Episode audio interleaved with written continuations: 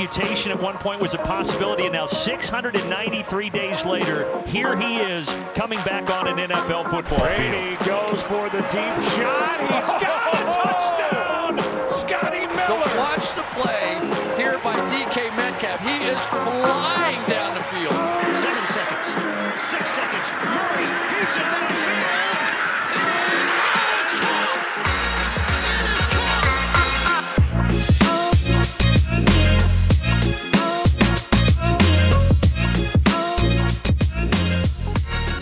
leuk dat je luistert naar een nieuwe aflevering van de Sport Amerika NFL podcast. Mijn naam is Jurian Ubachs en het is tijd om terug te kijken naar een van de beste weekenden die we ooit hebben gezien in de NFL. Fantastische scores, highlight... Nee, het, eh, het viel een beetje tegen. En eh, ja goed, des te meer om over na te praten, want er gebeurden wel heel veel interessante dingen. Niet alleen goede dingen zijn eh, interessant. En dat ga ik uiteraard niet alleen doen, want aan mijn digitale zijde is Lars Leeftink Goedenavond. en Chris van Dijk. Hallo allemaal. Ja, jongens, het was, eh, het was eh, genieten geblazen, maar eh, dan niet op de allerbeste mogelijke manier. Ehm, traditioneel beginnen we met het moment van de week. En Chris, aan jou de eer. Ja, ik wil beginnen bij Tom Brady. En dan wel eh, het moment dat hij langs kant zit en zijn tablet kapot gooit. Ehm, ik vond het eigenlijk een bijzonder moment, eigenlijk, omdat het, ik denk dat het zo tekenend is voor, voor Brady. Hè. Ehm, ik denk dat ik van ons drieën niet de grootste Brady-fan ben, dat ik dat wel kan zeggen. Eh, maar ik, ik vind het wel echt zo tekenend moment. Die man is 44 jaar, heeft zeven Super Bowls gewonnen. Hij speelt eigenlijk eind december een eh, redelijk onbelangrijk potje. hè. De Bucks gaan de playoffs gemakkelijk halen, gaan de divisie winnen. Hè, niets aan de hand. En het is een mindere wedstrijd van hem en van de ploeg. Je ziet aan alles hier gewoon die frustratie van hem. Hè. De sportman die hij is, hè, loopt op de scheidsrechter te zeuren. Hè, nou ja, tablet krijgt de schuld van dat het niet goed loopt. Hè. En ja, ik denk dat dat de enige reden is hè, dat hij zo lang zo succesvol kan zijn. En gewoon die winnaarsmentaliteit. En eh, Ja, het- ik, het ja, is een- op dit, dit soort momenten komt dat gewoon naar boven. Het is een haast ongezonde drive om ten koste van alles te willen winnen, volgens mij. Ja. Ja, absoluut. En, en dat zie je heel weinig. Hè. En, dat, en zeker dat hij dat hè, op, op, op die leeftijd gewoon nog steeds heeft. Ja, ik, het tekent hem zo erg. Hij eh, kwam eh, afgelopen, eh, wanneer was het? Dinsdag, denk ik. Ook in het nieuws, omdat hij een oproep deed naar de NFL om tackles op de benen van wide receivers eh, nou, ja, te gaan aanpakken. En verbieden zal lastig worden, maar eh, ja, dat, dat in zijn ogen daar veel onnodige blessures ontstaan. Goed, nog heel even en het wordt echt vlekvoetbal, denk ik. Ja, precies. Maar eh, ja, goed, dat heeft natuurlijk alles te maken met het uitvallen van Evans en Godwin. In, eh, of, eh, ja, Evans en dan waarschijnlijk niet zo heel zwaar. Godwin wel, die is natuurlijk out voor de season. Dus ja, enige rancune, enige onvrede zal er wel zijn bij eh, de heer Brady. En eh, ja, ook bij de IT-guys van de Bucks. Want die zijn een, die zijn een, een tabletje kwijt. Maar sponsoring van Microsoft toch jongens, dus dat komt, komt vast goed. Dat denk ik ook wel. En anders kunnen ze er vast wel zelf een betalen, denk ik. Ik, ik Ja, denk niet goed, dat die Brady daar heel lang voor wakker ligt. dat denk ik Dat wel. eh, zal niet. Ik denk dat ze de, re- de rekening kunnen doorsturen naar, eh, naar Brady en dat hij het lachen betaalt. Gratis avocado erbij, helemaal prima. Hey, eh, Lars, jouw moment van de week. Eh, ja, dat was een, een interception. Nou is dat op zich niet zo heel bijzonder. Ehm, maar de manier waarop vooral viel mij heel erg op. Dat was het duel tussen de Eagles en het Washington voetbalteam. Die natuurlijk maandag, maandagnacht, zeg dat goed? Nee, dinsdagnacht werd gespeeld, afgelopen nacht. Ehm, ja, op zich, eh, wat er gebeurt, volgens mij was het Goddard die die bal op zijn hak krijgt. Ehm, volgens mij dacht letterlijk iedereen in eerste instantie dat die bal via de grond terugkaatste. En daarom reageerde eigenlijk ook helemaal niemand. Ehm, volgens mij wist alleen Landon Collins, die die bal opving, dat, eh, dat hij een touchdown, of een touchdown, in ieder geval een interception had. Ehm, en daardoor eigenlijk was het voetbalteam natuurlijk een hele goede positie bracht om, eh, om een touchdown te scoren. Ja, ik, ik, ik, ik heb nog nooit zo'n zo'n aparte interception gezien als dit. Ehm, zeker niet omdat het ja, gewoon via de hak gebeurt. Ik weet niet of jullie dit ooit gezien hebben. Ik kan me niet nou, herinneren. niet, zeker niet, niet op deze manier. Je ziet nog wel eens, volgens mij was van de week wel eentje toch, die viel en bal met zijn hak echt de lucht in strapte. Ja, ik kan me er vorig jaar aan het eindje ergens eentje herinneren. Volgens mij was dat Jets tegen Broncos of zo. Dat eh, was volgens mij een, een situatie met twee spelers en in de secondary dat die bal via de rug of zo viel. En dat hij uiteindelijk alsnog gevangen werd door degene die die bal dan intercepte. Maar ja, op deze Ja. manier. Je ziet ook gewoon aan iedereen dat niemand weet wat er gebeurd is, behalve Landon Collins. Eh, En volgens mij had, had hij, Had hij het zelf ook voor mij ook niet echt in de gaten houden? Hij rende ook niet echt heel hard terug van ik ga even Nee, een pick precies. Anders six. had hij eh, volgens mij wel een. eh, nee, precies, inderdaad. Dan had hij wel een interception en een touchdown gescoord, natuurlijk. Ja, het was eh, voor mij echt een bizar, eh, bizar moment. Van ook een wedstrijd die volgens mij überhaupt niet zo heel erg goed was. Eh, was ook niet de enige wedstrijd die niet zo goed was, trouwens. Dat is een understatement, Lars. ik, eh, ik moet zeggen, ik ben ook altijd wel fan van de welbekende bal die dan op de, op de helm eh, van een van de linemen, dan wel offense, dan wel defense wordt gegooid, vervolgens de lucht in gecatapult wordt en dan nou ja, ergens op het veld neerdwarrelt en dan een interception oplevert. Die vind ik ook altijd wel, eh, die vind ik ook altijd wel lekker. Ja. Mijn moment van de week, om even mee af te sluiten, was niet zozeer het moment zelf, als in dat het een fantastische play was of zo. Maar het was voor mij ehm, een moment dat we met z'n allen ergens in gingen geloven. Het was namelijk het moment dat Jared Goff eh, de, een, een touchdown gooit op Josh Reynolds. Daarmee de 17-0 op het bord zette voor de Detroit Lions tegen de eh, nou ja, toch veel sterker geachte eh, Cardinals.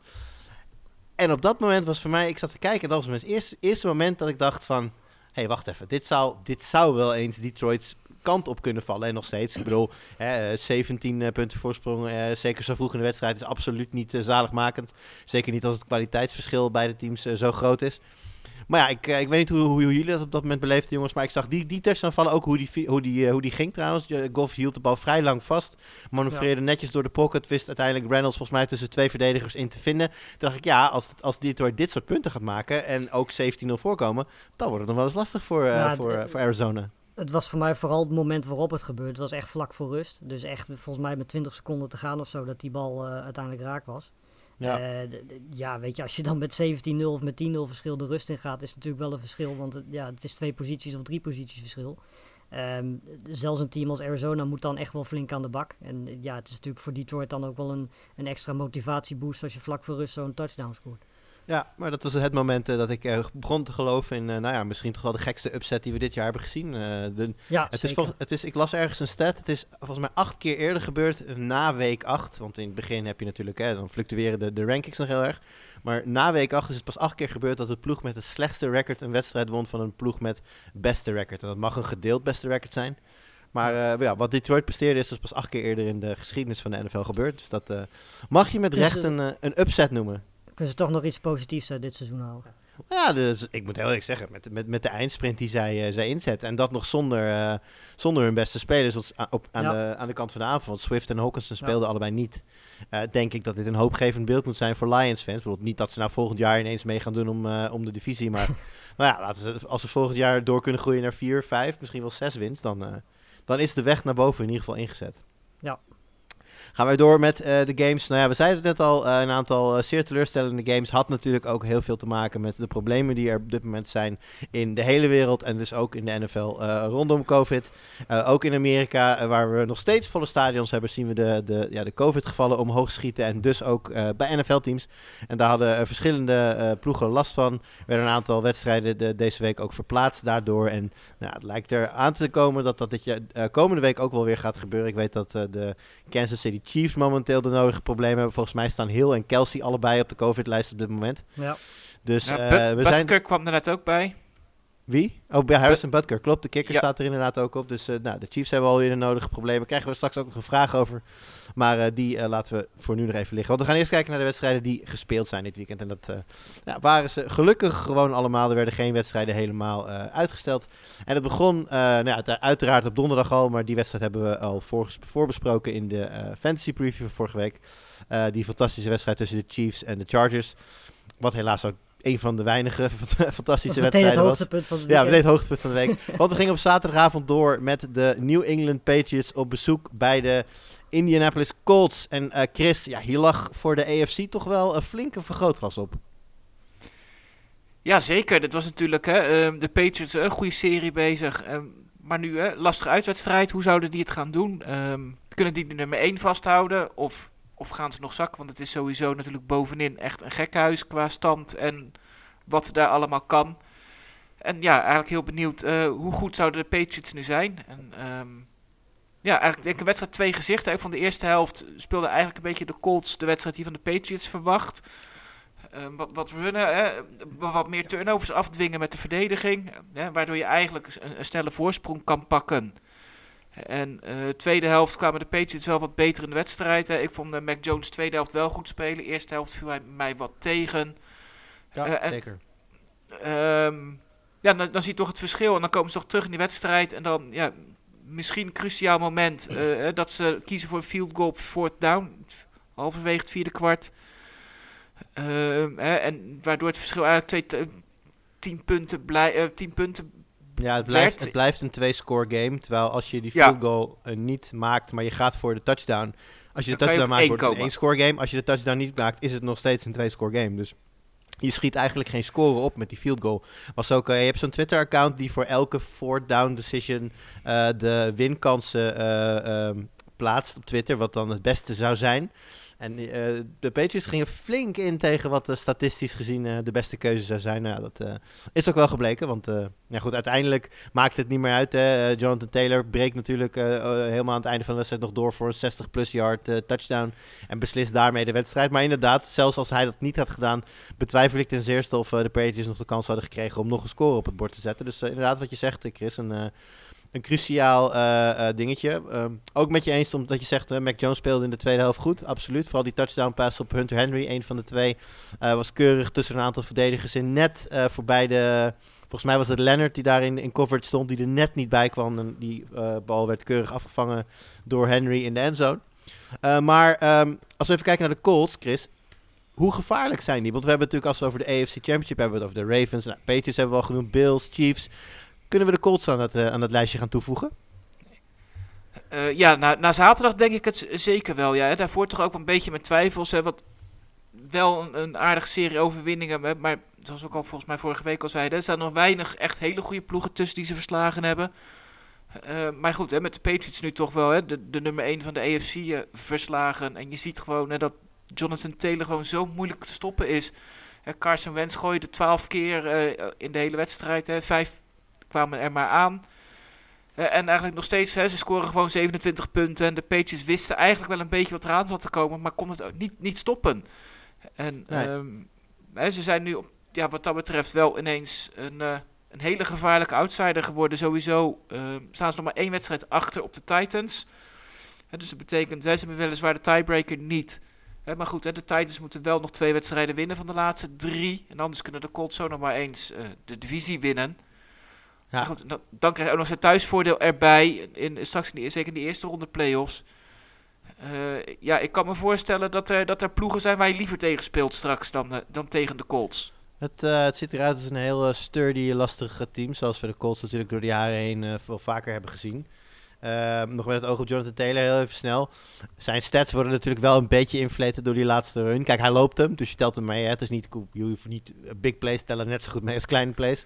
Maar de, uh, ik, ik, vond wel dat buiten die play, vond ik dat de Patriots de op dit moment in mijn ogen beste running back in de league redelijk wisten te beteugelen. Zonder die... Uh, zonder die run. dan toch nog steeds tot uh, 100 yards? Als ja, je ja 100, 100 yards, maar geen touch. 100 yards nee, op, 28, op 28 carries vind ik nog steeds best wel ja. oké. Okay. Um, maar goed, um, zoals... Uh, nou, volgens mij was het probleem in deze wedstrijd vooral dat de, de, vooral de Patriots offense eigenlijk niet gebouwd was om, ja. gebouwd is om een 20-0 of zo'n grote achterstand weg te werken. Uh, zeker ook omdat volgens mij de running game ook niet zo lekker liep. Dat kan nee. natuurlijk deels ook omdat, omdat je zo ver achter staat. Dan moet je meer gaan gooien. Om ja, en ik heb ook het idee dat, uh, dat Ramondre Stevenson gewoon niet klaar is voor een, een, een, ja. een echte RB1-rol. Je ziet het als, ze, als zij hun, uh, hun tweekoppige monster in kunnen zetten. Damian Harris en Stevenson. Dat je continu één verse, verse back eigenlijk hebt. Ja. Dan uh, zie je dat het heel gevaarlijk is. Maar ja, iedereen verwachtte natuurlijk ook voor fantasy een, een grote wedstrijd voor Stevenson. Dat bleef uit. Uh, de, de, ik, ja, de Colts hadden betrekkelijk weinig moeite om, de, om dat te stoppen. Ja. Dus daar uh, lag zeker de sleutel deze wedstrijd, absoluut. Dus volgende week, uh, nou ja, uh, we zeiden het al, het is, uh, het is, het is razend spannend bovenaan de AFC. En ook binnen de AFC East. komende week gaan de, de, Buffalo Bills op bezoek bij de Patriots. En nou ja, het lijkt er een beetje op dat wie die wedstrijd gaat winnen, ook wel de, de divisietitel zal gaan pakken. Al was het maar met de Bills verder eigenlijk amper nog aansprekende tegenstanders krijgen. Ja. Dus dat zal uh, de beslissing gaan brengen. En als de Patriots hem verliezen, dan moeten die nog heel erg gaan oppassen voor de, voor de Dolphins. Die uh, in, de, in de achtervolging blijven. Maar goed, daar komen we misschien later op, want wij gaan door naar eh, een heel eh, andere divisie, andere divisies moet ik zeggen. Of nou ja, één gedeelde divisie van de Colts natuurlijk. Want de Tennessee Titans, eh, we zeiden het net al, vlak achter de, achter de Colts, of nog net voor de Colts staand, eh, verdedigen hun leidende positie in de AFC South. Ehm, maar deden dat vooralsnog met niet heel veel succes, want gingen op bezoek bij de Steelers en verloren van Big Ben en zijn troepen met 19-13. En ehm, Lars, ik zeg het niet heel snel, maar was hier misschien een kikker de beste speler van het veld?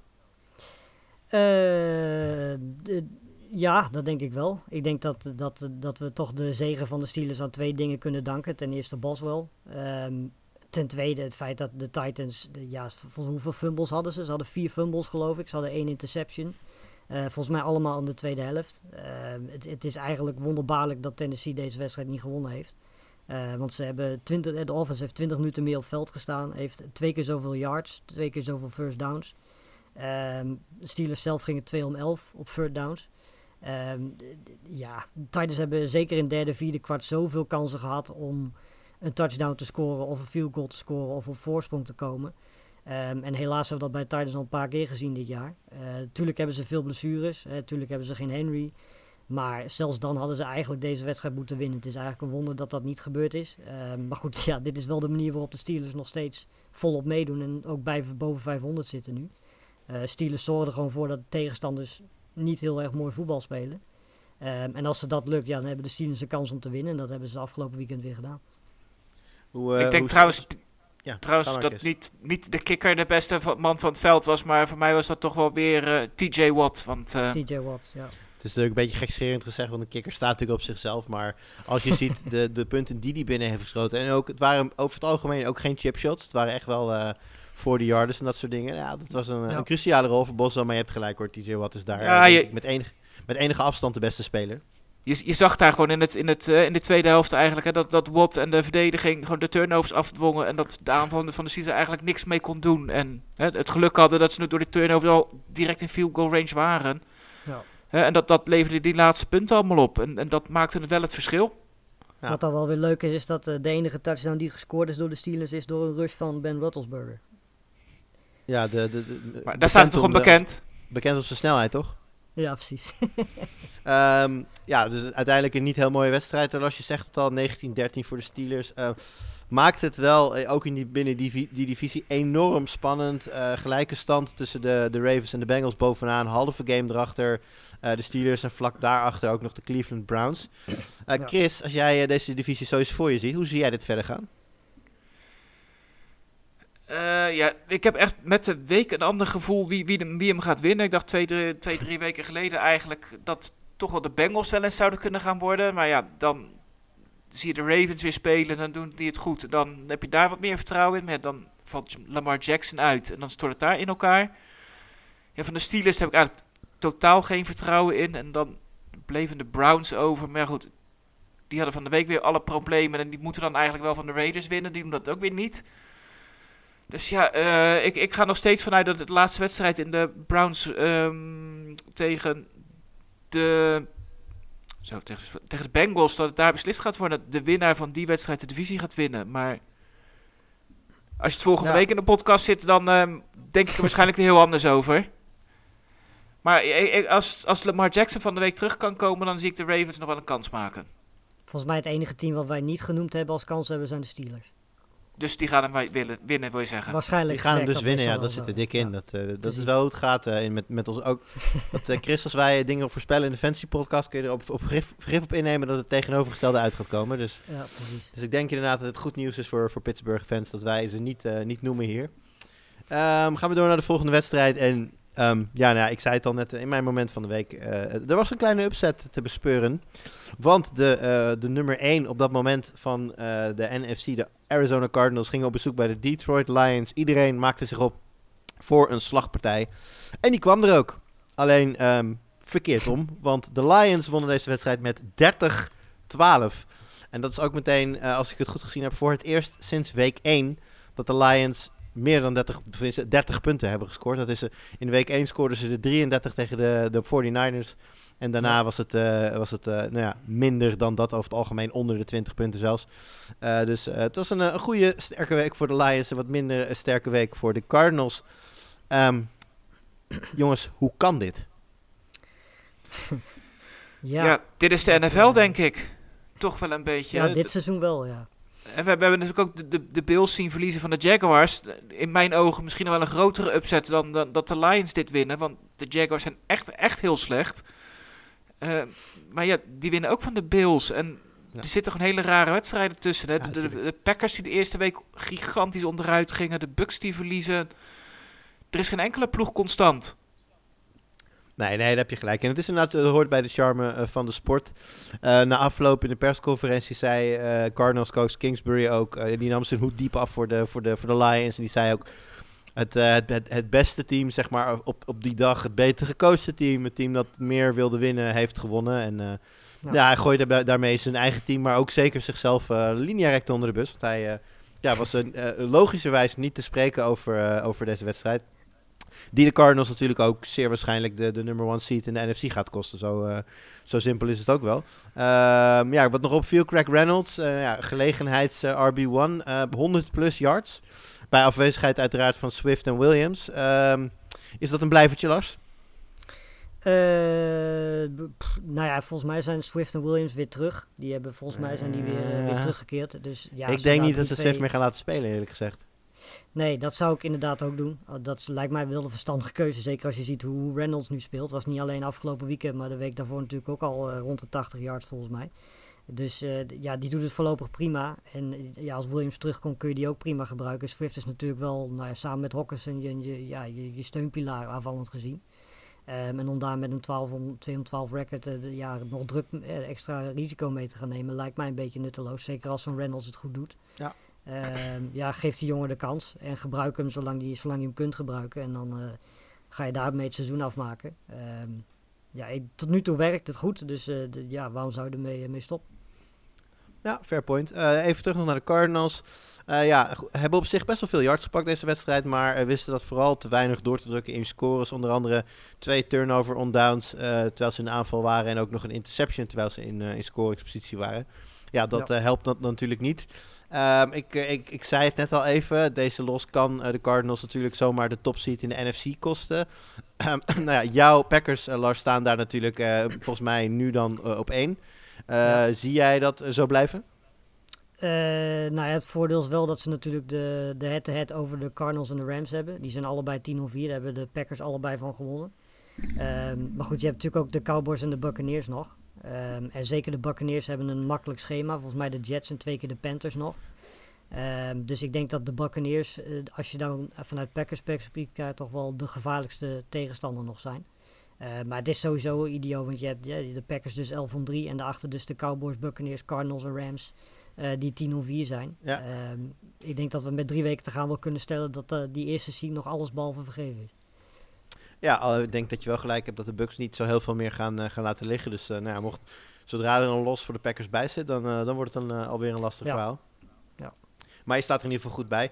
Eh, Chris, laatste vraag nog even over de, over de Cardinals. In hoeverre moeten hun fans zich eh, zorgen maken over deze prestatie? Nou, toch.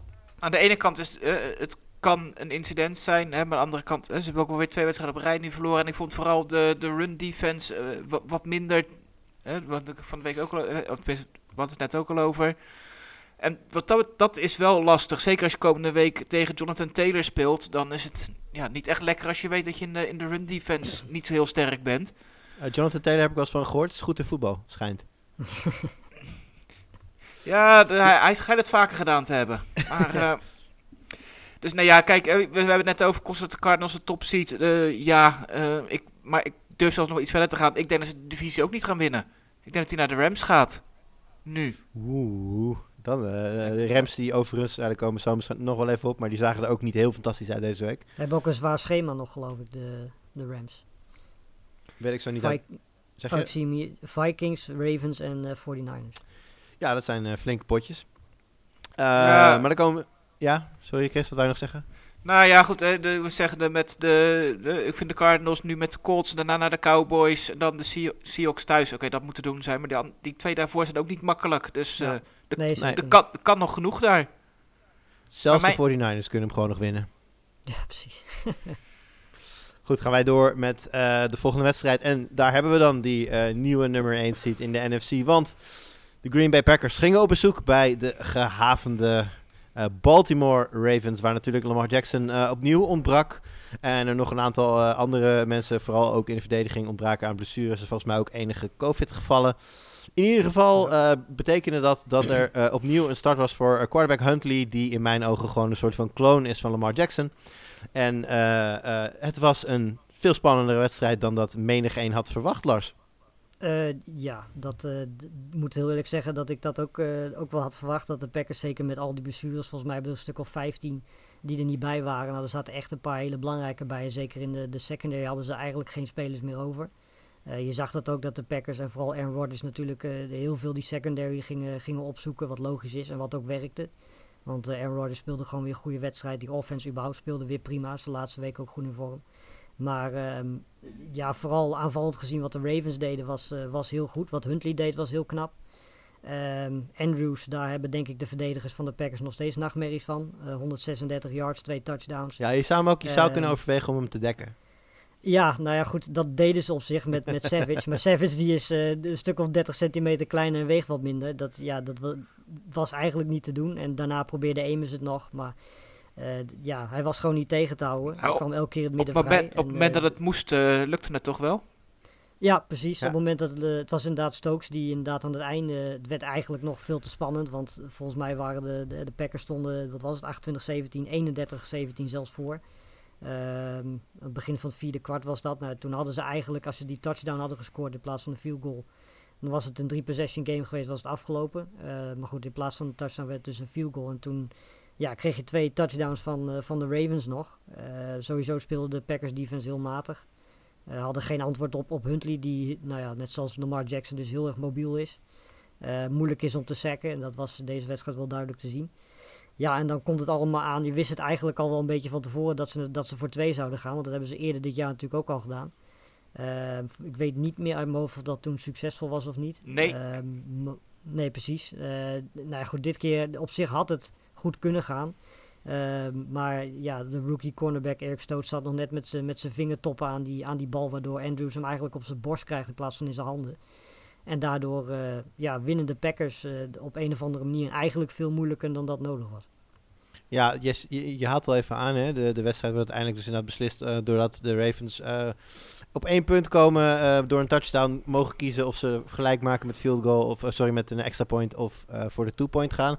Dan zien we dit natuurlijk vaker, Chris, in de, in de NFL. Hè? De, de ene coach denkt er ander over dan de andere coach. Eh, wat is jouw lezing hierbij? Want ik denk altijd, ja, weet je, eh, je kunt de wedstrijd daar winnen, maar ook verliezen. En zeker in dit geval, je speelt thuis, dus je hoeft ook niet een vliegtuig te halen of zo. Waarom trap je... Je, je hebt net een achterstand van 31-17 goed gemaakt, dus je zit duidelijk beter in de wedstrijd. Waarom trap je niet gewoon het extra punt, ga die overtime in en eh, ja, be- beslis het daar? Ja, dat- is eigenlijk wat het meeste gebeurt. Hè, want het gaat nu twee keer om Harbo, Harbo omdat hij twee keer geprobeerd heeft en twee keer mislukt is. Ehm, Ja, er zijn meer coaches die, die dat graag doen. Hè? Ron Rivera, weet ik, is er ook een fan van. En ja, de, de gedachtegang is dan van, hè, je speelt de game om te winnen en je kunt hem daar winnen, dus je gaat ervoor. Maar ja, ik heb de stads niet bij de hand, maar het voelt, het voelt altijd zo als een onnodig risico in mijn ogen. ja, maar ik denk niet dat het dat is. Hè. Volgens mij, ik, ik, vind eigenlijk soms wel dat te weinig gebeurt. Hè. Het is een two-point conversion. Nee, je staat op de twee-yard lijn. Je zou toch van een NFL-aanval moeten verwachten hè, dat ze dat meer dan 50% hè, twee yards moeten kunnen overbruggen.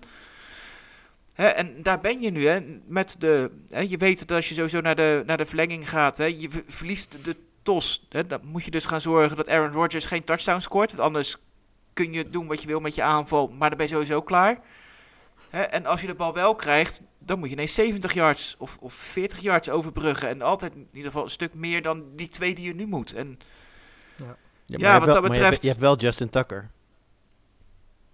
Ja, ja, dat, Ja, dat, klopt. Maar als jij natuurlijk de, hè, als, je- als je een touchdown tegenkrijgt, dan heb je niks aan Justin Tucker. En als jij Nee. de bal van de 30 naar de 50 yards lijn krijgt in je aanval, dan overbrug je 20 yards. Maar dat redt hij denk ik ook net niet. Vanaf de middenlijn, nou ja. Nou, Justin, Justin Komt hij zou aardig in wel de buurt, maar- kunnen zijn. Hè, maar je, Nee, maar vo- je zal wel een stuk moeten. En, dat- ja, zeg maar. Ja, dus ja, eh, eh, ik denk dat het een beetje eh, afhankelijk is van je tegenstander, van je ploeg. Hè. De, de Ravens hadden gewoon denk ik weinig Ja. vertrouwen in hun verdediging. En het gevoel dat ze het... Ja. Hè, ze zitten goed in die wedstrijd. hè, Ze, ze scoren een paar keer makkelijk. En ik, ik vraag hem eigenlijk veel meer steeds af eh, of, of de play call hè, zelf de juiste is. In plaats van dat ze... Alhoewel Andrews Nee. slecht af te stappen, stoppen was nu. Dus dat was waarschijnlijk wel de juiste beslissing.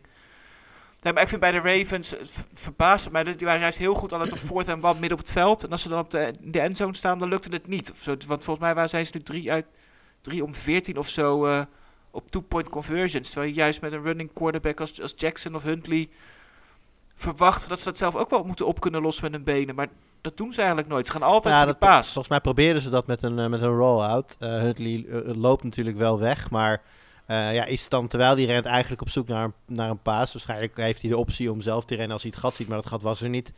Ehm, ja, wat vond jij van de play call, Lars? Ja, nou ja, weet je, mijn idee is dat eh, wat heel goed werkte, wat ze volgens mij in die wedstrijd ook heel vaak deden, was dat, eh, dat vooral aan de zijkanten voor, voor Hundley om te rennen de, de, de ruimte lag. Omdat die, die ja, vooral die, hè, de, de pass van de Packers heel vaak naar binnen gingen. Ehm, dus er was aan de zijkanten was er geen verdediger om Huntley tegen te houden. Eh, ik had een soort van, van drawplay of zo ge- gekozen, want ik denk dat de Packers daarvoor gevallen waren dat er dan in, in het midden ruimte was geweest. Eh, ik denk dat dat als je twee yards van de endzone af zit een logischere keuze was. Aan de andere kant, ja, weet je, als je ziet hoe Andrew speelt en hoe die verdedigd werd, is het niet zo gek dat je hem zoekt. Alleen had je dat misschien op een andere manier moeten doen dan. Ja, nou, we, zullen het, eh, we zullen het niet weten. Het eh, leidt er in ieder geval toe dat eh, de Ravens de wedstrijd nipt verliezen en daarmee de Bengals gelijk zien komen. Ja, we hebben het net over de status daar eh, gehad. Eh, van en de, die spelen volgende week tegen elkaar. Het worden, het worden heerlijke weken sowieso, met nog heel veel ontknopingen te gaan. Maar één ontknoping, Lars, is al geweest. En dat is Tja, gefeliciteerd met de divisietitel Green Bay Packers.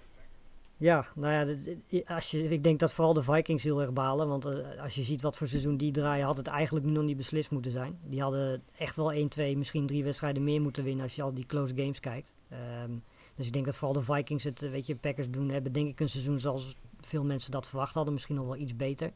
Eh, maar de Vikings hadden daar echt een stuk dichter op kunnen zitten. Ehm, maar goed, dat hebben ze niet gedaan op de bijna zo langzamerhand typische Vikings manier. dus eh, ja, het, het, het is wat het is. Het, eh, de- hij is in ieder geval weer binnen, maar de, de focus is, en ik denk ook het belangrijkste is nu natuurlijk die, eh, die eerste plek. Eerste plek en ik denk ook de fitheid. En nog een laatste Ja. puntje, dit vind ik trouwens wel een, een interessante. Packers gaan uiteraard nu dan verzekerd de playoffs in zijn een kans hebben voor to win it all, om het zo even te zeggen. Maar als je het aantal tegen, tegenpunten kijkt, of punten die ze hebben toegestaan de laatste vier weken op rij, dan is dat 31, 28, 30 en 30. Ja. Dat is wel wat veel voor een contender. Eh, ja, dat klopt. En op zich, eh, tot, en met, eh, die, tot en met week 10, die wedstrijd tegen de Seahawks toen, toen, ja, toen ging het eigenlijk heel erg goed. Was, wa- waren de, de, de Packers ook gewoon een, een top 5 verdediging in, in de NFL. Nu zijn ze nog steeds top 10. Ehm, en weet je, de Vikings en de Rams natuurlijk afvallend gezien heel erg goed. Dus dat dat kan gebeuren, oké. Nou, tegen de Bears was het voornamelijk special teams die je verdediging in een hele slechte positie brengt. Eh, als, je, als je tegenstander op de 50 of 40 yard line van jezelf mag beginnen, wordt het al een heel lastig verhaal voordat je überhaupt op veld staat. Ehm, maar dit was, ja, dit was verdedigend gezien de slechtste wedstrijd van het seizoen, vooral qua coaching. Ehm, en dat is zeker wel iets straks als je tegen afvallend gezien hele goede ploeg als de Cowboys of de Buccaneers wordt om, eh, om in de gaten te houden. Ja, of de Rams. Of de Rams, ja. Goed, dan eh, gaan we door met eh, de volgende matchup eh, in de NFC ook weer. En dan met inderdaad een van die teams die eh, Iets minder punten. jij net omschreef als een team dat erg goed is op aanval. Eh, helaas, eh, deze week toevallig even niet. Want de New Orleans Saints doen iets wat niemand verwacht. Namelijk, ze winnen 9-0 op bezoek bij eh, de Buccaneers. En eh nou ja, Chris, jij haalde deze wedstrijd net natuurlijk al even aan. Hè? Het, eh, het tablet gooi moment van, van Brady. Kun jij iets meer vertellen over hoe een 9-0 wedstrijd eruit ziet en hoe dat tot stand komt? Nou, voornamelijk door heel veel te punten. En de, volgens mij waren er uit mijn hoofd 17 of 18 in de hele wedstrijd. Dus ehm, je zag dat de, de Bucks aanvallend wat gehan- gehandicapt waren. Ehm, eh, en de Saints verdedigend zijn het gewoon, is gewoon een hele goede ploeg nog steeds. En eh, de twijfel daar zit ook in de aanval. Hè, met Taysom Hill, de, de tight end als quarterback is het natuurlijk niet zo heel betrouwbaar en, en kwalitatief een stuk minder dan, dan we daar gewend zijn. Mhm. En aan de andere kant, de, de Bucks verdediging, die, die is ook gewoon heel sterk en beter. En ja, als de verdediging steeds van de aanval wint, dan krijg je 3, 4, 5 outs. En ehm, dan gaat de bal weer lekker naar de tegenstander. En dan gaan we weer opnieuw beginnen.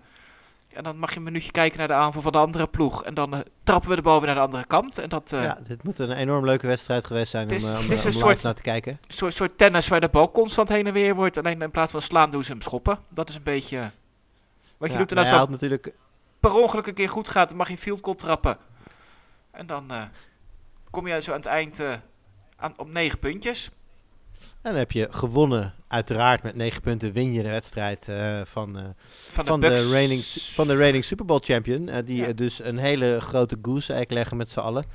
Ehm, ja, je haalde het al even aan, hè, de nodige persoonlijke problemen eh, daar nu dus bij de Buccaneers. eh, de nodige spelers die uit zijn gevallen.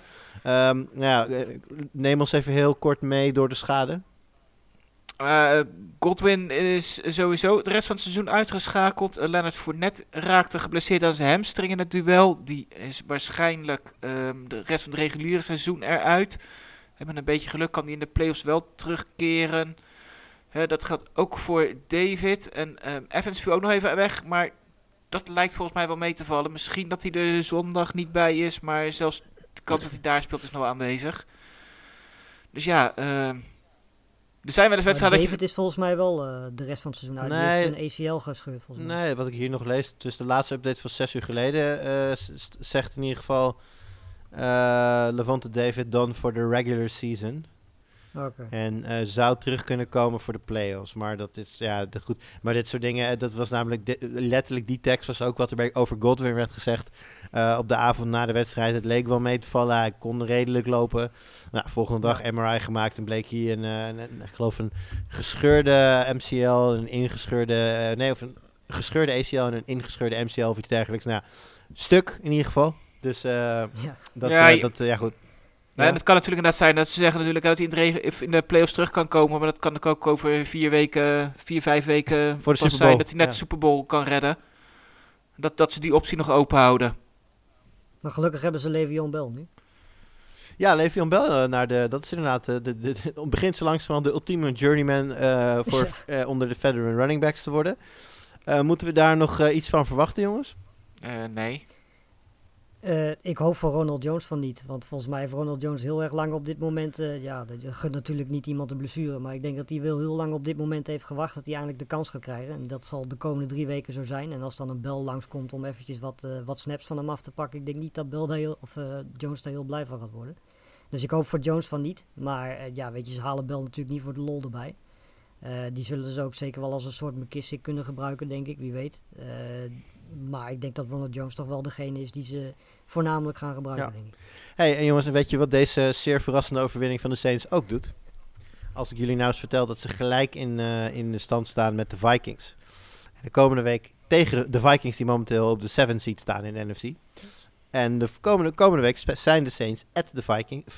Nee, nu zit ik naar de verkeerde ploeg te kijken. Dat zijn de Rams. Sorry. De Saints spelen nog tegen de Dolphins thuis, tegen de Panthers thuis. En gaan daarna op bezoek bij de Falcons.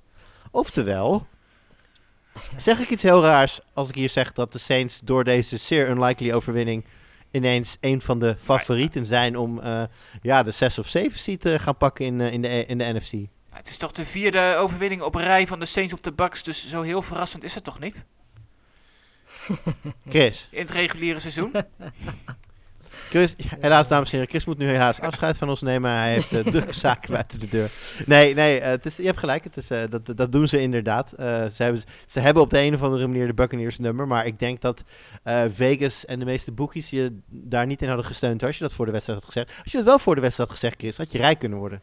Dat klopt, ja. Maar ik had het niet verwacht. Dus wat dat betreft... eh, Ja, precies. Nee, maar goed, het gebeurt wel. En dus eh, om mij nog even terug naar mijn vraag dan. eh Maar- zie jij de Saints nu ook als een, eh, een van de favorieten om eh, ja, een van die, van die lagere plekken, lagere seats te pakken voor de playoffs? Eh ja, zeker. Alhoewel eh, eh, het daar best wel spannend gaat worden. Nee, ik vind de, van. Ik denk dat top 5 dat dat wel, dat dat wel duidelijk is. En dat die het gaan redden, sowieso. Ehm, de 49ers hebben wel van de, de vier kandidaten die ik nog zie. Ik denk dat tussen de 49ers, Vikings, Eagles en Saints... dat er daar twee vanaf gaan vallen.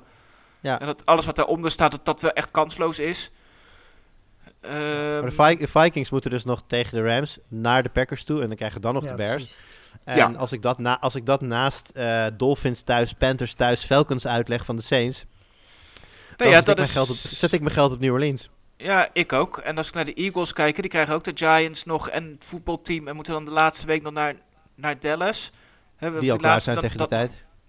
Waarschijnlijk wel. Dus hè, die kunnen ook zomaar eens op 10 komen. Hè, dan, dan zie ik de Vikings er sowieso uit gaan vallen. Ehm, de Saints het sowieso gaan redden. En de 49ers zijn op zich wel de beste ploeg, maar die moeten naar de Titans. En de- die zijn natuurlijk niet in vorm. Ja, dus als dat de winnen ze Titans wel. en Texans gewoon winnen, als de Titans en Texans gewoon winnen, staan ze op Dan 10 zijn en ze dan er. denk ik dat ze er zijn. Dus dat, dan maakt die laatste wedstrijd tegen de Rams niet, eh, niet eens meer uit. Dus eh, nee, ze- de, Viking, de Vikings en de 49ers kunnen beide nog gedwarsboomd worden door, door de Rams. De- omdat ze dus nog tegen de Rams moeten. En, eh, ja, de Saints en de Eagles hebben net wat meer mazzel met hun schema en zouden daardoor wel eens uh, spekkoper kunnen worden in de NFC. Ja, maar de, de, Ja. de- de Rams, die hebben de- of de Niners hebben er sowieso de wedstrijd van de Eagles gewonnen. Dus dan zouden de Eagles er sowieso nog twee over eh, San Francisco heen moeten. Dat gaat niet gebeuren met eh, de Texans en de Titans op programma. Nee, denk ook niet. Dus Maar ik denk dat als je iedere neutrale fan ook vraagt, als je 49ers, Vikings, Eagles en Saints zegt en je mag er twee kiezen, dat heel veel mensen de 49ers en Vikings. Ja, dat denk ik ook wel. En dat nou, zou dat kan ik me niet voorstellen. Zou ik, eh, nou ja, ik denk eh, dat, dat, eh, dat Lars Ik- daar op zich wel gelijk in heeft. Ik, en Ook toch als zou je kijkt ik- naar, naar de firepower van die aanvallen en hoe leuk het is om naar te kijken over het algemeen, dan zie ik in de playoffs liever de 49ers en de Vikings spelen dan de Ja, Eagles en de. Saints. Ja, en toch zou ik, toch vind ik de, de verdediging van de Saints wel echt wel leuk om Ja. erbij te hebben, omdat die het ook wel op een andere manier de, de topploegen wel echt lastig kunnen maken. En dat zie ik de Vikings gewoon niet doen. Die maken het spannend en die gooien het dan in het laatste kwart gooien ze toch wel weg. Dus eh, Ja, dat wordt En gewoon de eh, Saints vij- hebben natuurlijk ook 35, die gekke- 32 en die gaan eruit. En de, de Saints, we hebben het van de week gezien natuurlijk, hè, die kunnen met 9 punten gewoon van een topteam winnen. ja, en die hebben natuurlijk ook een gekke wildcard in Taysom Hill. Als hij het op zijn heupen krijgt, loopt hij ook zomaar eh, twee, drie touchdowns binnen. En ja, het, het, het, is gewoon een lastig te verdedigen spelletje op de een of andere manier. Nou goed, Buccaneers, het, het, zegt al, het zegt al alles dat eigenlijk alleen de Buccaneers tot nu toe daar heel succesvol in zijn gebleken. En die staan ook ja, toch wel bekend als een, eh, een zeer ver boven gemiddelde defense. Ehm, nou goed, genoeg daarover. Eh, zoals gezegd, Buccaneers eh, gaan die divisie echt nog steeds wel winnen. Zelfs als ze hun tweede, derde, vierde garnituur eh, wide receivers op moeten gaan stellen. En eh, voor de rest wordt het heel spannend. Gaan wij door naar de overige wedstrijden. Daar, eh, die gaan we niet allemaal even eh, uitgebreid bespreken. Maar daar willen we nog wel even wat kleine highlights uithalen. En eh, Lowlights. Chris, kunnen- Sorry. nou ja, ik geef de eerste lowlight aan aan jou. Chris, kunnen we de, de New York Football Giants zonder Daniel Jones een NFL-team noemen? Ja, waar ligt je lat? Zolang de Jaguars en de, de Texans en zo in deze league zitten, dan horen ze er wel bij. Maar ehm, Ja, het was, eh, het was het niet is wel echt tegen de- kansloos. Nee, ja, De, de Cowboys waren natuurlijk ook niet fantastisch, maar wonnen alsnog eigenlijk zonder enig probleem van de, van de Giants. ja, dat zegt denk ik alles over het seizoen. Ik bedoel, we hebben een hoogtepuntje gezien. Uh, Saquon Barkley met een, met een mooie eh, catch, één hand ergens op het midden van het veld. En dat is een beetje waar je het als Giants-fan ervan moet hebben op het moment. Want eh, nee, ja, eh, de vraag is sowieso of Daniel Jones de quarterback van de toekomst is. Daar, zelfs daar heb ik met twijfels over. En goed, als je die dan ook al niet hebt, dan eh, blijft er weinig over. Nou, ik zou nu, nu gewoon lekker Jake Fromm, die, die viel ook in voor, eh, voor Mike Glennon afgelopen weekend. Ik zou die nu gewoon lekker nog drie wedstrijden starten. Ik zou de Kijken wat je daar... eh, slechtste quarterback die je hebt opstellen als je tegen de Eagles speelt. Maar Eh, elders in het land versloegen de Houston Texans de Jaguars, waarmee duidelijk is dat de Jaguars vele malen slechter zijn dan de Texans. Eh Cooks had een, eh, een prima game en ehm, Lars, we hebben natuurlijk daar het vertrek van Urban Meyer gezien, dat hadden we al even kort besproken vorige week. Ehm, Ja. nou, ja, van een shock effect is in ieder geval nog niet, nog niet echt sprake, maar James Robinson die heeft in ieder geval zijn baan terug. Ja, nee, we zijn het volgens mij vorige week al. Dat we, eh, het was interessant ook, ook voor Fancy natuurlijk om te zien wat er nu voor verschil zit tussen eh, het team onder Meyer en het team dat we nu zagen.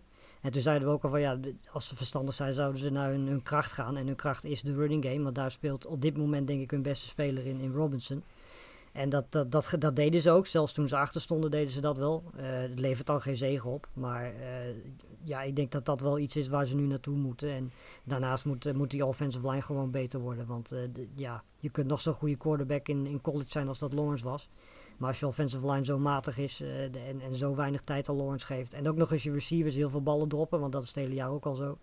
Dan, eh, ja, dan heb je aan een goede quarterback als Lawrence niet zo heel erg veel. Ja, de Nederlandse publicatie Gridiron heeft natuurlijk ehm, eh, het eh, draft season voor geopend verklaard en daar meteen al een eerste lijstje needs bij gelegd. En volgens mij was het Chris die in onze gezamenlijke chatgroep zei van vijf needs bij de Jaguars is wel, is wel heel positief ingeschat. Ja. Dus Zegt genoeg, dat zegt genoeg. Gaan we door. Ehm, Dolphins op bezoek, of uh, nou, speelde in ieder geval tegen de Jets. Ik weet even zo snel niet wie eruit of wie er thuis speelde. Maar eh, winnen daarvan, en dat is belangrijk, want blijven kort achter de Bills en de Patriots staan in de race. En eh, ja, Chris, dit, dit heeft zomaar de potentie om op te bouwen naar een hele interessante week 18.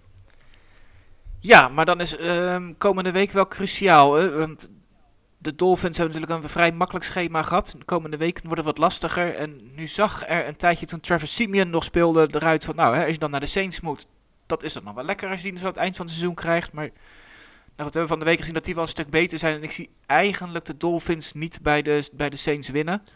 Helaas. Nee, we hadden want het, we hadden het ook net ook over het belang van die wedstrijd voor de Saints zelf. Die, hè, als, Ja. ze als ze die pakken, pakken ze de andere twee waarschijnlijk ook wel. En komen ze op 10 wins in de NFC. En dan, nou, dat, wat we net zeggen, dat levert hen waarschijnlijk een playoff ticket op.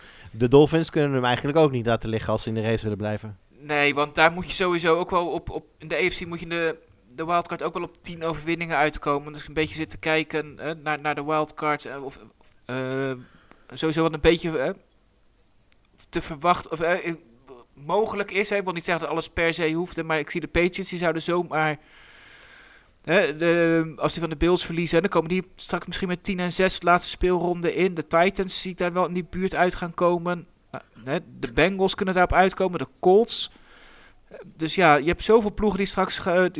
de Bills en de Ravens heb je ook nog. Daar de Dolphins ook nog bijvallen. Die allemaal op 10 en 7 uit kunnen gaan komen. Ja, dan wordt het nog... eh, misschien nog wel loten wie de, wie de wildcard gaat krijgen. Want eh, Ja. Nou, ik zou heel, heel eerlijk, dat zou heel goed in dit seizoen passen. ja, eh, Ja, precies. Ja, je zit een beetje te kijken vanmiddag een beetje naar wa- wat zou er kunnen gebeuren. Wie zou waar kunnen verliezen. Stel nou dat de Patriots van de Bills verliezen. En, eh, hè, dan moeten ze de laatste week nog tegen de Dolphins. De- En, en wie, wie kan dan, of wie pakt in welk scenario de, die laatste wildcard plekken. Maar ik zou het echt niet weten hoe die tiebreakers zitten tussen al die ploegen. En eh, het kan zo'n enorme chaos worden op die laatste dag. Dat, eh, Ja, en dan ga je daarna kijken naar, eh, naar de beste record als je alleen je, ehm, je divisie mee rekent. En dan is het nog home and away record. Dus er is een hele, er is een hele lijst in ieder geval denkbaar. Ik zou zeggen, we- volgens mij hebben we dit vorig jaar ook geprobeerd te doen in de podcast en dat werd helemaal niks. Dus ik, Ja. ik denk dat we het nee, ja, zeker, zeker, met drie, zeker met drie weken te gaan. Want hè, dan eh, Ja, nee, ga je waar. overal vanuit en dan winnen ineens de, de Lions van de Cardinals. En dan Nou ja, kan alles weer de prullenbak in. dat ik het doe is, we gaan natuurlijk, hè, ik, ik ga er even vanuit dat eh, onze luisteraars ook gewoon aankomende week weer gaan kijken. En nou, je kan maar op de hoogte zijn van de storylines. Want zeg maar, zo- zo'n wedstrijd Ja. Saints tegen de Dolphins. Hè, als ik Red Zone of zo zit te kijken, dan is dat niet per se een wedstrijd waar ik heel erg naar uitkijk. Maar als ik weet wat de belangen zijn aan beide kanten. En ik weet hoe belangrijk hè, het is om voor, voor allebei om die echt, is echt een must-win voor beide. Ja, dan wordt zo'n matchup al een stuk interessanter om te volgen. Dus daarom eh, wil, ik het, eh, wil ik het wel even aanstippen. Eh, een ander dingetje nog, laatste dingetje over deze wedstrijd, Lars. Ehm, ja, ik heb het altijd gezegd, wij, wij, wij zijn het erover eens. Duke Johnson, Fantasy Star, ja toch? Ja, zeker, absoluut. Nee, meteen oppikken. Eh, de- ja. 22 Ik heb geen carries, idee waar- 107 yards en 2 touchdowns. ja, en het bizarre is, je, je denkt van nou, dat is omdat Gaskin er niet bij is, maar die was er wel bij. Eh, die had zelf ook nog 10 carries. Ehm, ja, ik heb geen idee waar hij vandaan komt. I- Ik weet ook niet of dit volgende week weer zo gaat zijn. Mijn verwachting is van niet, maar ja, eh, de, de kans is heel erg klein dat iemand er afgelopen weekend in fantasy van geprofiteerd heeft, denk ik. Ja, nee, wij hebben, de- wij hebben de naam Duke Johnson in onze preview show in ieder geval eh, zeker niet genoemd. Nee, absoluut niet. Maar goed, het is leuk om te zien. eh, hij is natuurlijk al sinds 2015 actief in de league. Eerst bij de Browns, toen bij de Texans. Ja, eigenlijk nooit echt, echt doorgebroken. En dan, nou ja, goed. Het is in ieder geval goed om te zien dat hij een, ja, ik denk een van de beste running back scores van deze week neerzet zo ongeveer. Ja, precies. Ja. Goed, pakken wij door. Ehm, en dan gaan we door. eh, met over running backs gesproken. Want er zijn teams die het leuk vinden om iemand die goed kan rennen. dan maar quarterback te maken. En dan hopen dat het goed komt. Eh, zo ook de Carolina Panthers. En die hebben Cam Newton staan. En daar kan ik sinds eh, vorig jaar over meepraten. hoe frustrerend het is om Cam Newton als quarterback te hebben. Chris, ik, ik lees hier in ons, in ons keurige voorbereidingsfile. Newton kan nog geen 5 yards gooien. Nee, ja, dat is wel een aardige samenvatting. En, maar ja, het, het raar is eigenlijk, dit is niet nieuw. Dit is niet iets wat in Carolina voor het eerst zichtbaar was. Dat hebben we vorig jaar eigenlijk bij de Patriots ook al een beetje kunnen zien. Maar hoeveel geld krijgt die gozer? Ja, 10 Hij heeft toch best wel een hoog contract gekregen weer? ja, miljoen of... Met bonussen volgens mij richting Tien? de vijf. Nee, ik, oh, dacht ik, zelfs ik dacht ook tien. ik dacht dat het richting Ja. de 10 Tien 10 zelfs? ging. Ja, dat, misschien de helft. vijf, vijf basis of zo en dan is de rest misschien bonus related of zo. Zo, Ja, zoiets. Ja. Nou, in ieder geval, voor iemand Het is waarvan een- ik denk van, eh, hoeveel beter kan hij zijn dan wat je verder nog hebt? Nou ja, het zegt toch gewoon heel veel over de rest van de, van de hele quarterback situatie. En de enorme puinhoop die ze daar gemaakt hebben in, in Carolina. Hè. Ze begonnen heel goed. Misschien wel iets te goed voor hun eigen, voor, eh, voor hun eigen goed, eh, goed doen. Want eh, ja, sindsdien hebben ze blijkbaar hele hoge verwachtingen van iedereen. En moest ineens Newton erbij komen halverwege het seizoen. Want Ja, dat vind ik goed ze punt konden hoor, dat je blijkbaar maakt, want iets. Je kunt best wel stellen dat als zij misschien niet die hele goede start hadden gehad, ook geholpen enorm door het schema natuurlijk, maar als ze niet die goede start hadden gehad, dat ze niet zeg maar zo'n rare ja, sprong in het nauw maken en dan maar Cam Newton aan boord halen in een poging om ja, in de race te blijven voor die playoffs waar je, als je heel eerlijk bent, misschien helemaal nooit recht op had gehad. Nee, en, deze NFC, hè, daar bleef je gewoon heel lang in. Hè. Met, met losing record, dan stond je nog steeds in, in die race. Ik bedoel, als je achter de, de Falcons staat, die, die kans maken, ja, dan blijf je er natuurlijk wel in geloven. En dan, dan snap je dat wel. Maar ja, wat je zegt, het schema is gewoon zo gunstig uitgevallen aan het begin van het seizoen. Want ja, eh, aan het eind van het seizoen, de komende drie weken namelijk, moeten ze nog eerst naar de Bucks toe. Daarna naar de Saints en daarna krijgen ze de Bucks nog thuis. Dus ehm, ik kan het record van de, van de Panthers durf ik best op te schrijven. Dat wordt 5 en 12. Daar eh, gaat natuurlijk geen overwinning meer bij komen.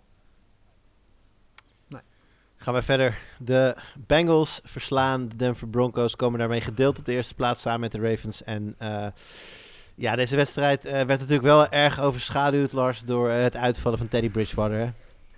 Ja, nee, dat, eh, het zag er niet goed uit. Hij kwam volgens mij verkeerd met zijn hoofd terecht. Dat was niet per se een, dankzij een tackle of zo, maar vooral omdat hij ja, verkeerd terecht kwam. Lag ook heel lang eigenlijk niet zo heel erg lekker op de grond. Ehm, volgens mij is het niet meer dan een concussion geweest. Volgens mij is hij ook al uit het, eh, uit het Ja, ziekenhuis. hij is, eh, volgens mij maandag is hij al ontslagen uit het ziekenhuis. Hij is wel ja.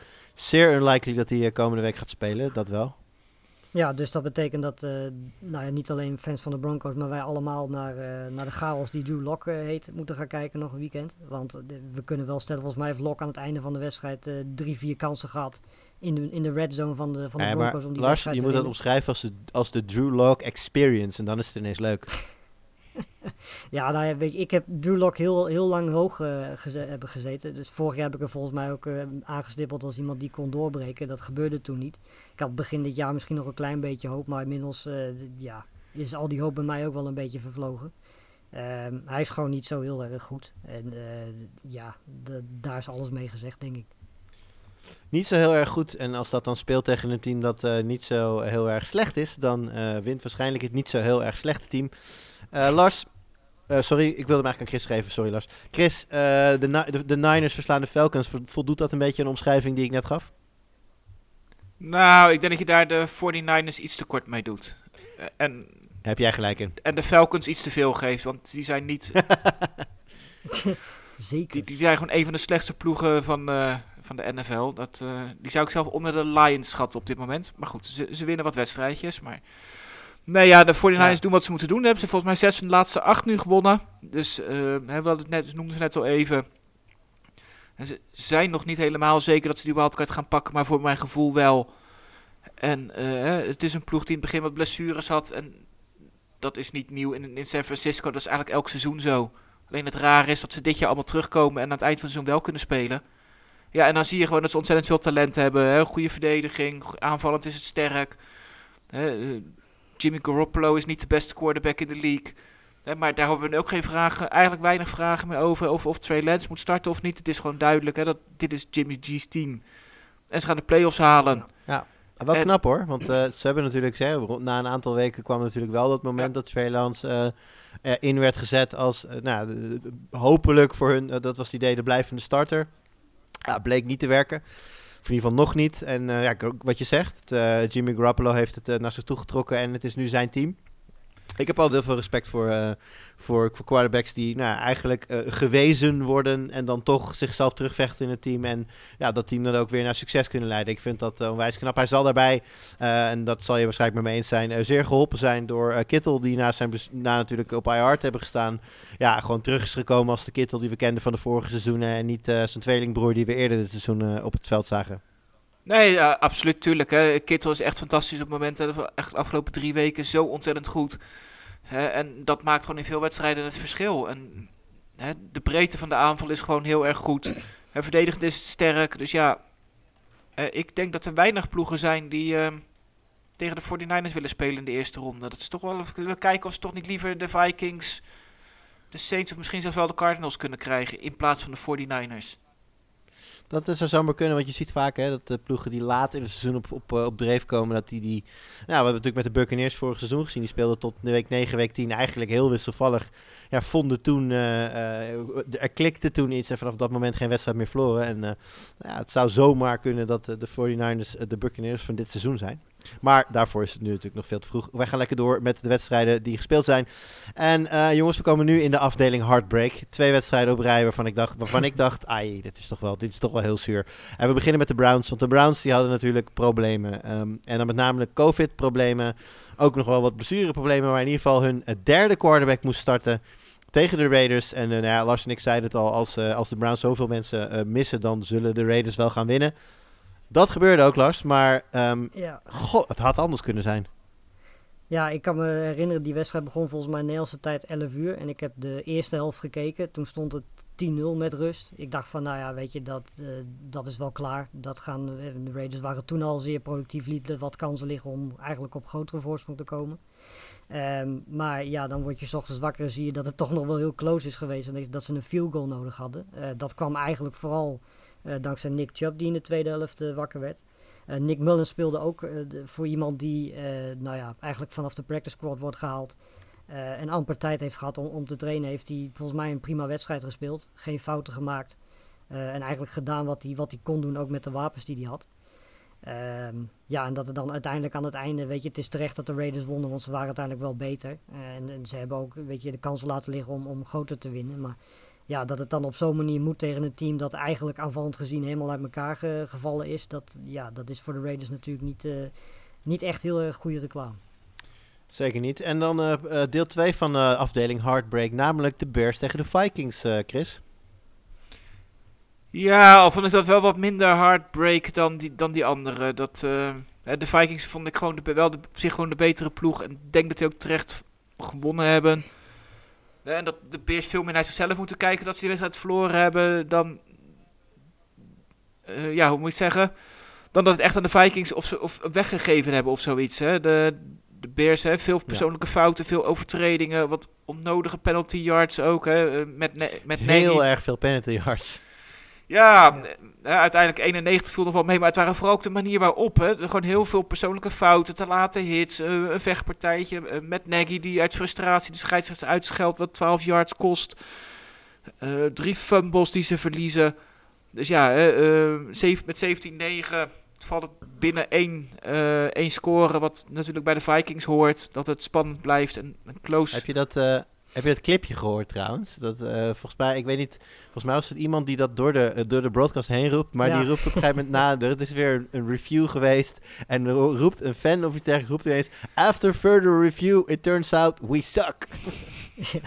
dat had ik eigenlijk als moment van de week moeten. Dat vond ik een schitterende, schitterende analyse van de wedstrijd. ja, ja, we hadden op zich uit deze wedstrijd nogal een moment van de week kunnen kiezen. Want die bal van Cousins, ik weet niet waar die naartoe ging. Maar die, dat, dat enige die daar stond was een... Was ja, een, uh, het verhaal daarbij schijnt te zijn dat uh, Justin Jefferson weggleed op de route. En uh, Cousins was natuurlijk under pressure.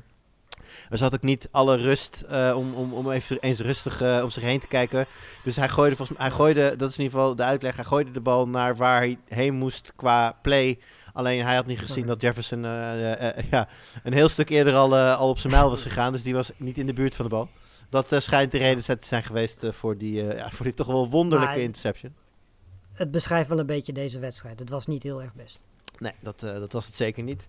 Nee. Uh, nog twee wedstrijden te gaan. De Rams winnen van de Seahawks. En de combinatie Matthew Stafford Cooper Cup blijkt niet te stoppen. Je zou toch denken dat iedereen inmiddels wel weet dat de bal eh, een keer of 10 tot 15 per wedstrijd naar Cup gaat. Maar het is, eh, het is eh, ja, niet tegen te houden. En eh, goed, de Rams winnen. Ehm, het was, eh, eh, Lars, het was volgens mij niet de beste wedstrijd ooit. Niet een wedstrijd waardig van het adviesje Rams-Seahawks. Nee, ja, als, zeker als je de duo Stafford Cup eh, weghaalt, dan blijft er niet heel erg veel over. Ehm, sowieso vind ik het echt bizar knap dat de Rams met, met zoveel COVID-gevallen gewoon twee wedstrijden gewonnen hebben. van de Cardinals en van de Seahawks. Ehm, en eigenlijk juist dichterbij gekomen zijn nu in die strijd om die divisie. Want ja, weet je, als je kijkt wie ze allemaal kwijt waren en wie er niet fit waren, ook nog in deze wedstrijd, dan eh, de- ja, is het eigenlijk bizar dat ze twee duels gewonnen hebben. Eh, maar ze hebben zichzelf heel knap in leven gehouden. En dat, eh, ja, weet je, we weten natuurlijk dat daar een hele goede coachingstaff zit. Ehm, dus ik denk dat die wel wat, wat krediet voor de afgelopen anderhalve week en twee wedstrijden verdient. We hebben natuurlijk, dit, dit was een van de uitgestelde wedstrijden. We zagen natuurlijk bij de Rams een aantal mensen net op tijd terugkeren. Hè, Jalen, Jalen Ja. Ramsey was active, volgens mij Von Miller laatste moment ook nog eh, active. Eh, eerder, eerder keerde Beckham en Henderson al terug. Ehm, Henderson trouwens wel interessant, was active, maar eh, ja, was toch wel duidelijk tweede viool naast Sony Michel. Ja, nou ja, goed, dat, weet je, dat zal iets te maken hebben met het feit dat, dat is ook met Ramsey en met Donald. Die jongens zijn net terug van, van COVID, dus die hebben totaal geen, geen ritme. De Donald volgens mij niet, toch? Von Miller wel. Ja, Miller bedoel ik inderdaad. Eh, de- maar dat, dat soort jongens, weet je, ja, het is niet zo gek dat je die wat minder snaps geeft. Want die hebben geen ritme, die hebben heel lang ja, gezeten, uitgeziekt. Eh, de- weet je, ja, die zijn natuurlijk totaal niet in shape wat dat betreft. Ehm, en dan is het niet zo gek als je Michel achter de hand hebt, dat je die dan in deze wedstrijd wat meer, eh, wat meer carries geeft. Ja, hij heeft wel wat meer wedstrijden gehad, die wat meer carries kreeg. het is niet voor het eerst dit seizoen in ieder geval. Nee, het is, eh, er, werd ook al, eh, er wordt wel gespeculeerd over hoe het verder gaat. Want Henderson, ja, je kan inderdaad nu nog zeggen, eh, was niet eh, volledig fit. Eh, maar ja, Michel doet het natuurlijk wel gewoon goed. Dus het is nog maar de vraag of Henderson zijn, eh, zijn oude workload nog, nog terug gaat zien. En over oude workload gesproken, Chris. Ehm, we zagen natuurlijk bij de Eagles Jalen Hurts terugkeren.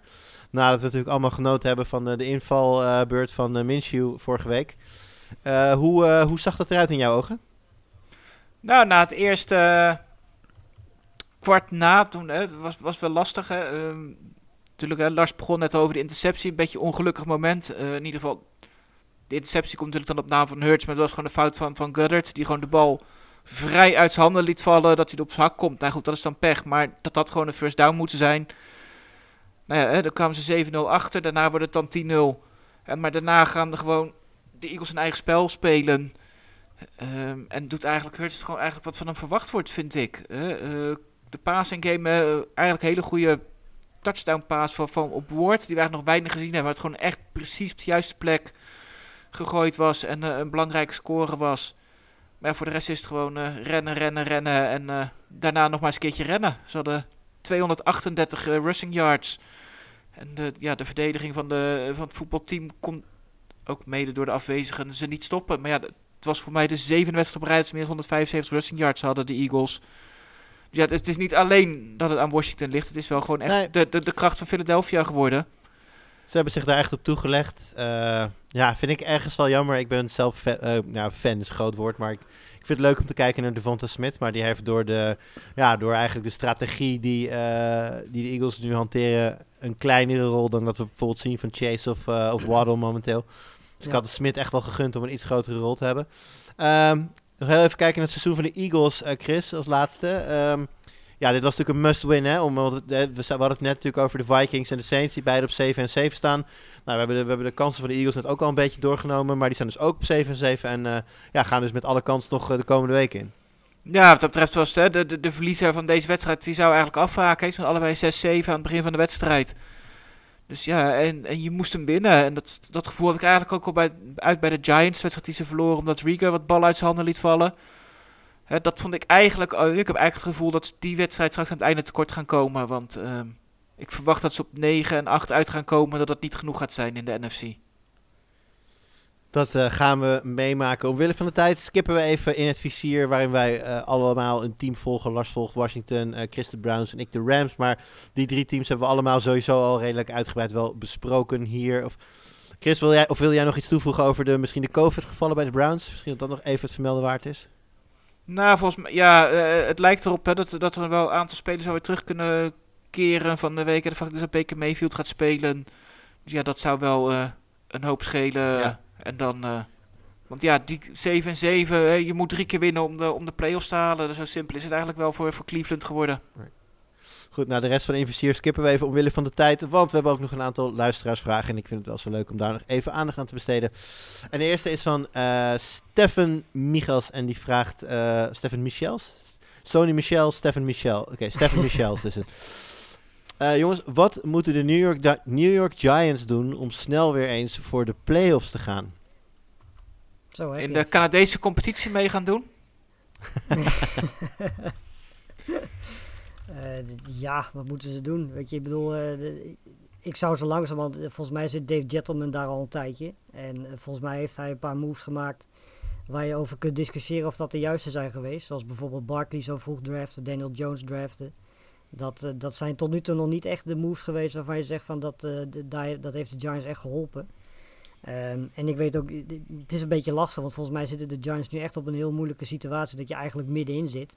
Ehm, als ze niet geblesseerd raken, eh, of niet zoveel blessures hebben, want laten we wel wezen, ze hebben heel veel blessures gehad dit jaar. Als ze fit zijn, kom je, kom je, nou ja, misschien kom je net buiten de play-offs uit en dat is juist niet waar je wil zitten. En ik heb ook niet echt het idee dat, dat Daniel Jones op het punt staat om een hele grote stap te zetten. Eh Barkley's blessure is natuurlijk ook een dingetje, dus ja, het is lastig. Maar ik denk dat misschien een, een reset misschien wel de enige optie is. En dan is natuurlijk eh, Dave Gentleman de eerste die eigenlijk zou moeten gaan, gezien eh, wat hij de vorige jaren allemaal gedaan heeft. Dan de volgende vraag. Kevin die vraagt: Met nu de zekerheid van drie first round draft picks voor de Eagles. Wat zijn de biggest needs? Met Jalen als quarterback lijkt mij die positie in ieder geval niet meer nodig. Nou, Chris, zet, je, zet jouw eh, zet jouw eh, general manager eh, pet even op en vertel ons wat de Eagles moeten gaan doen met die first round draft picks. investeren in de verdediging. Volgens mij hebben we het al hè, een paar weken terug ook al over gehad. Ehm, maar ik denk inderdaad dat je gewoon echt gewoon je team in de breedte moet versterken. Dat de verdediging daar echt gewoon nummer 1 moet zijn. Hè. Ehm, eigenlijk alle posities kunnen daar wat gebruiken. Defensive line, defensive backs. Eh, eh, de secondary, eigenlijk overal is wel wat versterking nodig. Ik denk dat aanvallend het, het wel redelijk staat. Eh, je, je zou misschien wat op de offensive line kunnen doen. Ik ben bang dat ze gaan kiezen voor een extra wapen. Misschien nog in de, in de passing game. Maar zelfs daar zou ik misschien nog heel even mee wachten. Of kijken of ik misschien ergens anders kan halen. Want de verdediging, daar moet het gewoon mee gaan gebeuren. Zeker omdat hè, een tijdje, het heeft even op geleken dat er drie picks in de top 10 zouden worden. Nou goed, hè, dat gaat het sowieso niet meer worden. Hè. En Miami en eh, van wie kreeg ze ook weer die andere. En Indiana, die doen het helaas nu heel goed eh, op het moment. Nou ja, de Eagles eh, op de randje van de playoffs. Dus eh, ja, gewoon kijken wat er, nodig, wat, wat er is. Wat, wat, ik denk gewoon de beste spelers moeten hebben die op dat moment beschikbaar zijn eh, voor in de verdediging. Dat is eh, sowieso dat- een goeie. Dat is wel een voordeel in deze draft. Dus de kans dat de top 10 uit verdedigers bestaat is, nou ja, waarschijnlijk niet de hele top 10, maar zeker 7, 8 daarvan zullen verdedigers zijn. Dus wat dat betreft zit je met die twee picks dan. Ja, dan is het dan wel jammer dat natuurlijk iedereen verdedigers gaat kiezen. Ik liever dat er zeven quarterbacks uitgaan. Ja, ik, zie, ik, zie, ik, zie, ik zie een heel aantal teams die de top 10 ook wel voor, voor O-line hulp gaan. Er staan natuurlijk een aantal teams die geïnvesteerd hebben in quarterback daar. En die daar ook wel echt hulp nodig hebben. Nee, maar precies. Er gaan altijd teams tussen zitten die niet per se de beste spelen, maar juist de grootste niet eh, kiezen. En dan ja, schuiven andere Ja. spelers en dat zijn dan de Maar eh. Chris noemt al, eh, Eagles op de, op de rand van de playoffs. Josh Eckie vraagt zich af, moet ik als Eagles fan, moet ik als Eagles fan blij zijn als we de playoffs halen?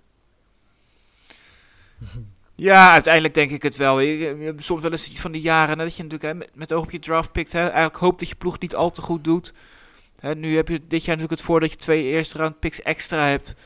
Hè, en dan kun je het beste gewoon je, je spelers ontwikkelen en onder druk zetten. En kijken wat je, hoe, hoe je er in de playoffs voor staat. Hè, want hè, na 2 en 5 start hè, betekent dat je daarna nu 5 en 2 bent. Stel dat je de playoffs haalt.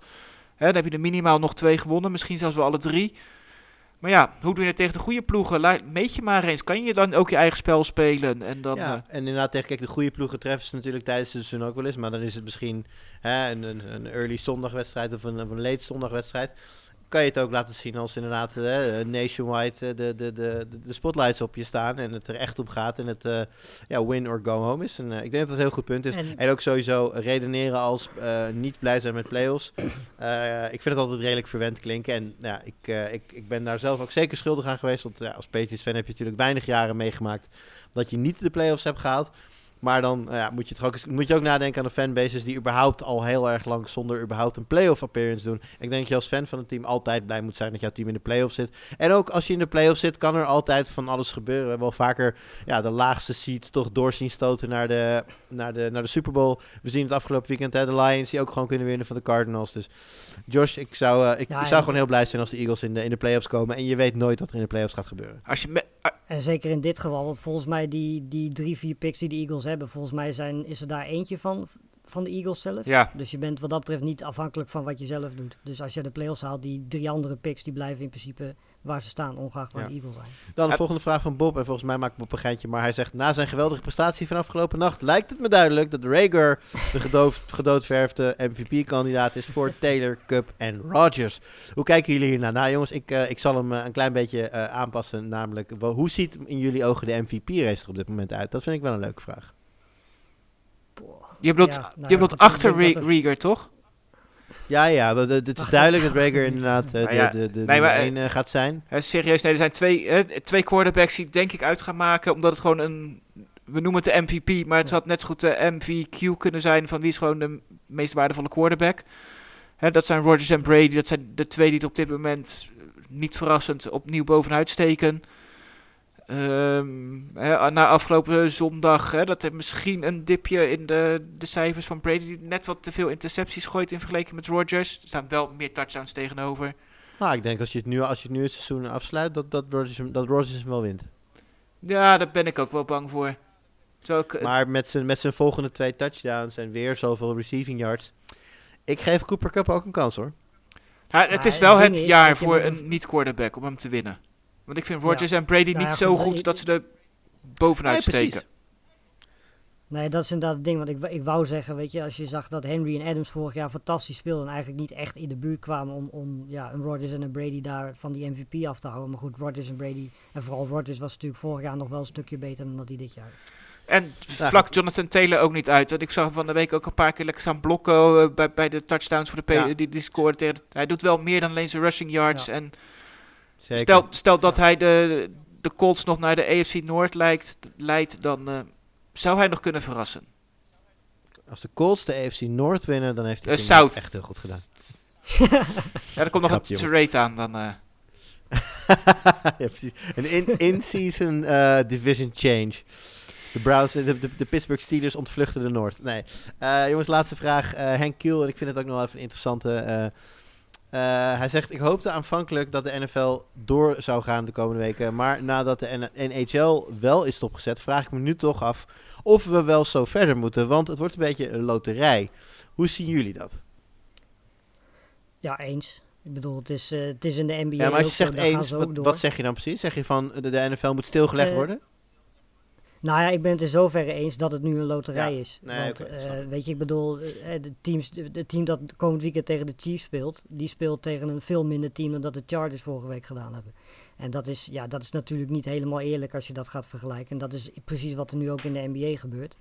Ehm, en ja, dan krijg je gewoon hele scheve uitslagen en hele scheve eh, schema's wat dat betreft. En ja, dat is natuurlijk uiteindelijk waar, waar die loterij dan, dan in meespeelt. Dat is, in principe is het een ja, competitievervalsing zonder dat je wil dat het vervalst Ah, wordt. ik Ja, maar dat, wat, vind- ik vind wel dat, hè, dat hebben we met blessures ook. Hè. De, de Titans die, die zeven wedstrijden op rij wonnen. En dat was ook een hele andere ploeg als die nu van, van de Texans verloren. Ja. Ook dat geluk moet je hebben. En dat, dat hoort bij sport en dat hoort met bij een COVID is het- competitie. met en COVID is het, kijk, nu is het, eh Chris, die zegt, je, je haalt nu de tijd aan. Dat is met name één speler, oké, twee, AJ Brown en Henry. Maar eh, met COVID heb je, ben je zomaar vijf of meer startende spelers kwijt. En dat is natuurlijk wel heftig. En wat ik nog, nog heftiger vind daaraan, is dat door sommige wedstrijden uit te stellen, eh, zie je dat er bij de spelers, eh, bij de ploeg die COVID-problemen had, mensen terugkomen. Maar dan blijken ineens aan de andere kant mensen weg te vallen, waardoor de winkansen voor die ploeg eh, eigenlijk eh, minder worden omdat de wedstrijd... Volgens mij hadden de Eagles dat. Nou, de Eagles eh, die eh, winnen uiteindelijk die wedstrijd. Dus het, het, het valt, de impact valt mee. Maar ja, is toch heel wrang geweest voor de Eagles Ja. als je een wedstrijd uitstelt. Dat je dan bij Washington mensen ziet terugkomen. En dan bij Eagles mensen ziet wegvallen en dan niet meer kan uitstellen. Nee, dat klopt. Dat, dat ben ik wel met je. Dat zag je vooral natuurlijk bij de Rams en de Seahawks. Hè. De Rams die natuurlijk heel veel problemen hadden. En uiteindelijk wat men, hè, de belangrijke spelers terugkregen. Hè. En uiteindelijk spelen de Seahawks spelen zonder Tyler Lockett. Dat toch wel een groot verschil kan maken. En nou goed, de Seahawks hadden Ja. het anders ook niet gehaald. Maar goed, hè, die weten nu wel zeker dat ze uit de race liggen. En Ja. daar mag Ja, wel wat duidelijkheid in komen. hè. Wanneer stel je een wedstrijd uit en moet je dat doen? Of is het gewoon echt iets van, joh, hè, het is gewoon een soort blessure, je weet het nu. Hè, en Ja. Ja, Ja, ik vind, dat een, ik vind dat ook een hele lastige discussie. Ik, ben, ik denk dat het misschien tussen de ploegen onderling en dat eh, opgelost kan worden. En als, een, als de tegenstander ermee akkoord gaat, dat je het dan doet. Kijk, uiteindelijk, zeker voor de wat, wat, wat, wat kleinere markten, is het natuurlijk op zich ook wel weer aantrekkelijk om een, om een slot te krijgen ergens op maandag of dinsdagavond. Omdat je nou in ieder geval weggetrokken wordt uit, eh, uit, de- uit de slots waar heel veel wedstrijden zijn. Dus dat heeft op Ja. zich ook wel weer een bepaalde waarde. Maar eh, Nou ja, wat ik wat dat betreft niet snap, en daar hebben we het vorige week, vorig jaar volgens mij ook al vaak over gehad, is dat ze tussen die laatste week, dus week 17, week 18 en de wildcardplek, niet gewoon een extra week hebben ingepland voor het geval dat dit ja, soort dingen dat je gebeuren. net de hele NFL in principe één week zou kunnen eh, vertragen.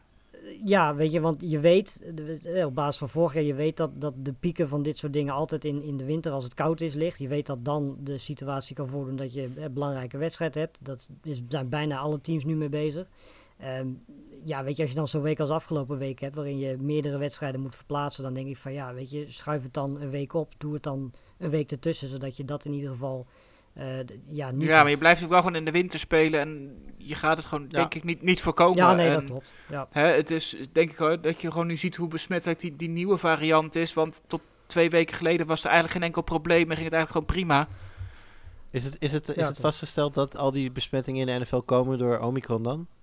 Nou, De, volgens mij in, eh, in de NBA in ieder geval, dat is, ik, ik ga ervan uit dat het ongeveer vergelijkbaar zal zijn. In de NBA was het rond de Ah, 90% oké, ja. van de gevallen. Is, eh, Ja, dan kan het hard gaan, inderdaad. Maar goed, om even Henk Kiels vraag te beantwoorden, want de vraag was natuurlijk, eh, moet het wel zo doorgaan? Ehm, ik proef in ieder geval bij jullie beiden, en dat vind ik zelf ook wel, dat je wel gewoon doorgaat. Uiteindelijk eh, hebben, eh, zeker, eh, zeker in een tijd van lockdowns en, en, en dingen die niet open zijn, is, eh, is vermaak eh, in de vorm van sport eh, belangrijk, denk ik. En, Ja.